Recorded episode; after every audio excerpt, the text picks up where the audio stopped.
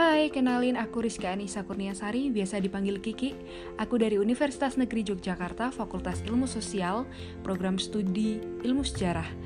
Podcast ini aku buat untuk memenuhi program kerja KKN UNY 2020 yang dilakukan secara online.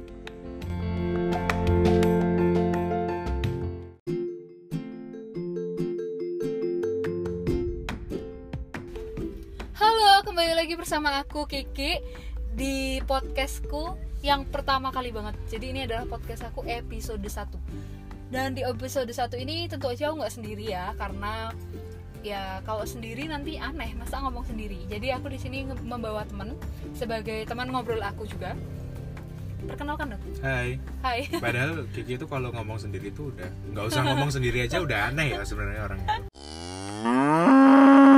Hai, aku Harsa. Aku Ya. bakalan nambahin Kiki pada podcast pertama ini. Oke. Jadi kita mau ngomongin apa di sini nih? Nah, kita kayaknya mau ngomongin tentang yang belum masih anget nih sekarang. Ya, apa tuh? Tentang perekonomian eh, yang terdampak oleh COVID di Indonesia. Hmm. Nah, itu.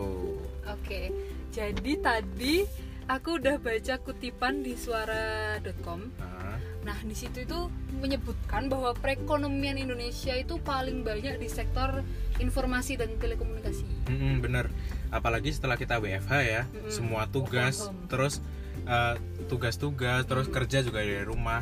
Jadi kita nggak bisa lepas dari gadget. Jadi itu yang yang diuntungkan provider ya? Iya, provider tuh Iya. untung banget Untung provider. banget ya mereka. Selain provider juga PLN, Bu. Oh iya, bener. heeh. Heeh. Pendapatan dari PLN tuh mesti eh, tahu sendiri kan tagihannya kita juga eh, gitu. Jadi nontonin drama Korea, bener. sinetron, sinetron India juga. ya ampun. sinetron Indosiar ya jadi kerjaannya non TV mulu nah tapi eh, selain ini itu kan sesuatu yang positif tuh ya itu kan pemasukannya Indonesia Ah, ah. ada juga nih yang negatif Oh, oh bener. Dari negatifnya ini. tuh di sektor pariwisata Hmm, bener banget.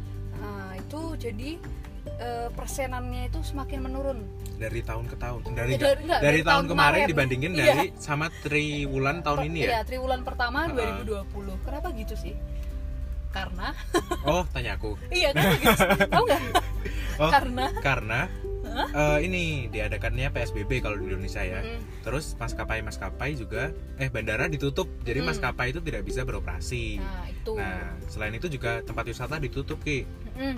Nah, kamu tahu nggak nih kalau dari dampak dari PSBB dan bandara ditutup itu ada beberapa maskapai yang menyatakan pilot. Hmm, Dan hampir pilot. Contohnya, Nah, kalau dari dalam negeri sendiri itu kayak Susi Air. ya. Nah, Ibu Susi sendiri itu sudah menyatakan bahwa dia itu hampir pilot. Hmm, Nah, karena tidak ada pemasukan sedangkan maintenance dari pesawatnya sendiri itu harus tetap berjalan, Ki. ya untuk operasionalnya ya. Ah, operasionalnya tuh. Nah itu juga banyak orang eh, jadi dipecat ya, kayak.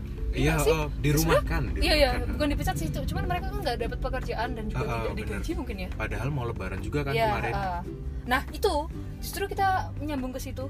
Idul Fitri itu kan harusnya menjadi titik balik perekonomian di Indonesia ya Hmm, nggak sih? bener. Di situ perputaran uang tuh bener-bener ini, bener-bener Ah, jalan. meningkat dan Ah. besar banget ya kalau di Iya, Idul Fitri ah. itu. Eh, kebutuhan makin banyak, belanja orang juga Ah, makin bener. banyak. Tapi kemarin justru nggak nggak gitu ya. Ah, ah. beda tahun ini Hmm, beda. beda Tidak banget. ada nggak nggak ada belanja, nggak ada mudik. Hmm, Padahal itu beda. hmm, bener. Padahal itu mungkin perputarannya itu sangat besar dan Mm-mm. bisa jadi pemasukan untuk warga dan juga negara. Sebenarnya beberapa orang sudah menyiapkan ya kalau di sini. Contohnya kayak mereka tuh eh, borong makanan kaleng. Iya. Sekarang akhirnya dijual murah Ah, ya. bener bener Ya bener. itu banyak di daerah kita ya. Mm-mm. Hmm. Selain makanan kaleng juga banyak yang ini, yang dia jualan baju udah Hmm. nyiapin uh, baju banyak banget, nggak jadi dijual, nggak jadi Oh, laku, iya, soalnya nggak ada lebaran. Terus mereka jadi ngejual murah ya. Ah bener, Sebenarnya kasihan juga cuma daripada nggak ngejual. Mm-mm, Bener sih? bener. Ya. Mungkin mereka nggak nggak nyari untung, yang penting mereka laku. Heeh. Soalnya Iya, juga bener. kan kalau kayak gitu kan dia udah bayar buat karyawannya kan, Mm-mm. mau dibayar apa kalau nggak barangnya nggak laku kan? Ah. Nah itu selain selain ini ya di di pariwisata penerbangan itu tadi yang ada yang pilot dan men- menyatakan hampir pilot Hmm. eh, di Jogja sendiri ini mall-mall Hmm. itu banyak yang ditutup waktu awal-awal covid. Hmm, hmm, bener. Sebenarnya nggak ditutup, ah ya pertamanya ditutup, tapi setelah itu dibuka hanya dari jam 11 sampai jam 8 malam. Nah itu juga dengan protokol COVID yang sangat tinggi. Mm-mm. Nah eh, selain itu juga nggak semua gerai itu dibuka gitu Hmm. waktu itu kan Hmm. pun kalau dibuka mungkin sepi kali ya Mm-mm, Mall-mall sepi banget Hmm. soalnya kita juga sempet waktu itu main ke salah satu mall di Sleman City ya. Oh, udah tahu itu mah mau apa tuh? Kayaknya cuma satu. Oh ada dua? Oh, Eh, ada iya, tiga oh, ada iya. tiga ada tiga. Oh iya ya Slem oh iya ya Sleman Yang- Sleman tuh luas ya? Iya yang Harsono tuh masuk Sleman ya? Oh, semua di Sleman berarti. Oh iya iya. Iya, iya, iya. kecuali satu. Nah, terus? Yang Boromol itu. Nah, nah itu waktu kita masuk itu benar-benar mas kayak masuk gua ki. Kita masuk parkiran lampunya aja dimatiin. Ya uh, dan parkirannya tuh slotnya yang dibuka tuh dikit banget. dibatasi ya? Heeh, dikit banget. dibatasi biar enggak biar enggak banyak orang biar yang nggak banyak orang yang masuk. Dibatasi nah selain itu kita waktu masuk ke mallnya juga tuh banyak gerai yang tutup. Hmm. nggak semua gerai buka. Mm-mm. XX1 juga nggak buka. Sampai Hmm, sekarang sampai pun belum sekarang. buka ya. Ba- batal dibuka ya? Mm-mm. nah itu eh, menurut aku mereka juga pasti merugi. Mereka juga pasti merugi ya kan? Iyalah kayak soalnya eh, misal kayak yang sepatu kulit tas kulit gitu kan pasti rusak ya disimpan lama di oh, toko. Oh, bener. Soalnya dia kan eh, waktu mall tutup itu kan AC juga nggak dihidupin. Hmm. sedangkan eh, kulit itu kan nggak bisa di tempat-tempat lembab kan. Jadi Hmm. dia tuh berjamur. Hmm. XX1 pun kursinya pada berjamur semua. Hmm, nah itu. Banyak yang kan viral kan fotonya tuh. Ya ya itu beberapa contoh yang eh, gimana ya terganggu lah ya di situ Hmm. apa eh, ekonominya. Nah kalau menurutmu ini tuh, tuh udah masuk di krisis moneter belum sih? Eh, kalau dikatakan krisis moneter itu kayaknya belum ya? belum ya dia soalnya kalau kita tahu ada beberapa eh, indikator yang bisa untuk menandakan bahwa kita tuh Ah. sudah krisis moneter ya? Nah dan kita tuh belum belum nyampe ke situ belum contohnya kayak kayak ini apa eh, hutang luar negeri tidak terbayarkan nah sini kita mungkin masih mungkin masih ya kita kan Masih, ngerti ya. Nah, terus habis itu tadi yang apa nilai, nilai tukar rupiah Mm-mm. itu kita ya kemarin sempat, Sempet kan menurun ya? sih sempat Mm. menurun tapi nggak yang anjlok banget kayak tahun 98 gitu loh Mm-mm. Kita kemarin kayak sempat naik 4 ribuan dari 14 ribu jadi 18 kalau nggak 19 ribu. Mm, jadi di situ barang-barang mahal ya? Wah udah apalagi udah susah maksudnya kerjaan kita nggak ngerti. Oh, oh, banyak yang dirumahkan, barang-barang naik. udah tuh ya bingung ya. Mm-mm, tuh susah. gitu kondisi Indonesia pada saat eh, pandemi. Nah, nah itulah. Nah terus gimana uh, perekonomian itu menyerang masyarakat kita akan lihat di episode 2 bersama narasumber aku yang kedua stay tune bye.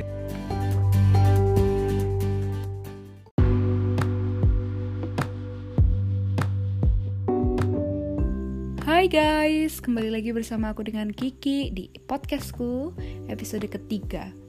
Nah, sebelum memulai bincang santai ini, kira-kira dari kalian ada nggak sih yang bakat masaknya itu selama pandemi, selama hashtag di rumah aja jadi muncul? Kalian jadi bisa masak macem-macem. Dan kalian sadar nggak sih bahwa selama pandemi ini banyak dari teman-teman kita pada berjualan makanan di story WA, story Instagram, dan media sosial lainnya. Bener nggak sih? Dan itu semua usaha rumahan mereka. Nah, berarti dengan adanya fenomena ini, dunia kuliner itu merambah menjadi sesuatu yang eh, hype ya sekarang ini di masa pandemi ini. Nah, itu yang akan aku bahas di bincang santai kali ini. Jadi temanya kali ini itu adalah bagaimana meningkatkan perekonomian di masa pandemi. Jadi kemarin-kemarin tuh kita udah tahu gimana eh, ekonomi, gimana COVID ini membuat perekonomian jatuh baik seluruh Indonesia maupun masyarakat lapisan masyarakat masyarakat di Indonesia. Nah sekarang tentu aja aku ada eh, perbincangan ini harus memunculkan ide yang positif dong bagaimana untuk meningkatkan perekonomian kita. Dimulai dari kita kita aja nih. Nah sebenarnya di podcast ketiga ini aku tuh mau membawa tamu spesial untuk ngobrol bersama aku di sini. Itu Nisa teman aku. Nah, kenapa sih aku mau ngajak dia? Karena dia itu salah satu pemilik UMKM di Sleman 3 di tempat aku KKN ini nih, yaitu dia adalah pemilik Sembiring Food. Bisa dicek di Instagram @sembiringfood banyak banget promonya, banyak banget menu-menunya yang harganya pas dengan kantong pelajar tentunya. Nah, tapi sayang banget nih kali ini dia tuh lagi ada promo. Jadi dia lagi sibuk-sibuknya nih. Nah, sebenarnya promo ini bisa jadi salah satu apa ya? uh, yang menarik orang-orang untuk beli gitu loh sebagai daya tarik dari warung kita. Nah karena di sini Nisanya nggak bisa jadi aku mewakili dia aja. Uh, uh, menurut aku nih, jadi di sini aku berbicara juga sebagai seorang uh, pebisnis. Kebetulan juga aku juga punya warung. Uh, aku franchise Dum Taiti dan uh, gimana ya? Dari awal awalnya banget tuh memang sih kita membutuhkan suatu modal ya ya tentunya untuk untuk membuat suatu usaha itu. Tapi kalau kita giat dan bagaimana cara kita promosi barang-barang kita, barang-barang dagangan kita uh, modal awal itu akan cepat balik. Nah, salah satunya nih yang lagi aku ikutin itu adalah collab promo sama dengan sama Nisa. Nisa tuh jualan apa sih menu yang paling utama di situ itu seblak. Jadi uh, akhir-akhir ini aku lagi bikin collab yaitu seblak plus dum thai tea plus kebab plus sosis hanya 17.000 nah ini sekalian promosi guys nah jadi gimana untuk membuat usaha itu adalah pertama kita harus punya modal. Yang kedua kita harus punya niat. Karena percuma dong kita punya modal terus kita beliin tuh sesuatu modal kita untuk uh, untuk bikin usaha. Tapi kita nggak punya niat kita nggak punya kita nggak telaten untuk merawat usaha kita. Ya otomatis itu hanya akan menjadi sebuah uh, usaha tapi tidak ada income jadi kita hanya mengeluarkan modal tapi income nggak ada dan kita tidak bisa kembaliin modal. Nah itu dua poin penting pertama. Yang ketiga itu adalah bagaimana cara kita promosi promosi itu sekarang banyak banget caranya. Bisa lewat sosial media, bisa dari mulut ke mulut. Terutama nih kalau kita udah punya channel yang banyak, channelnya temen-temen maksudnya kita punya teman yang banyak, kita punya kenalan banyak, otomatis itu akan lebih gampang untuk kita promosi dari mulut ke mulut. Selain itu juga kita harus membuat sesuatu yang menarik di situ. Yaitu tadi promo-promo, promo collab, gitu-gitu macam-macam. Nah, ada lagi faktor yang lain yaitu adalah tempatnya. Tempatnya itu harus dibikin semenarik mungkin, misal uh, live music atau dikasih lampu yang klip-klip, terus atau juga uh, ada wifi gitu. Nah, sebenarnya guys ini uh, menurut aku juga agak pro kontra ya. Karena kan kita nggak boleh nih yang namanya kumpul-kumpul nongkrong-nongkrong. Tapi kok kita malah membuat tempat untuk nongkrong tempat untuk kumpul-kumpul. Nah gini guys bedanya. Kita itu membuat uh, usaha ini memang untuk dikenal dengan semuanya.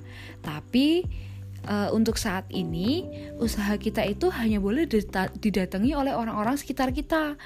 Maksudnya sekitar kita tuh kayak yang se-RT atau mungkin luas lagi se-RW atau ya mungkin uh, se se apa kabupaten eh kabupaten gede banget. Se uh, sekelurahan mungkin gitu. Jadi lingkupnya itu hanya kecil-kecil. Nah seperti di Sembiring Food ini jadi mereka itu uh, yang nongkrong di situ hanya orang-orang RW 8 uh, hanya orang-orang RW 8 ya Sleman 3 tuh iya RW RW 8 jadi situ mereka nongkrong di situ nah karena lingkupnya itu hanya kecil jadi menurut aku ya masih aman-aman aja. Nah, untuk yang jauh-jauh gimana? Nah, Sembiring Food itu menyediakan layanan COD, cash on delivery, cost and cost on delivery. Ya COD pokoknya. Jadi dia tuh uh, ada COD buat kalian yang jauh bisa banget uh, COD nah gimana cara caranya itu silahkan aja kalian lihat di at sembiring food ya. Oke. Okay. nah aku mau tanya nih kira-kira usaha apa sih yang udah kalian lakuin di rumah? Atau kalian hanya mengikuti kegiatan-kegiatan kampus kayak aku KKN atau uh, mungkin ada yang lagi mengerjakan skripsi atau mungkin kalian sudah membuat usaha-usaha yang lebih menarik dari kuliner boleh banget cerita ke aku ya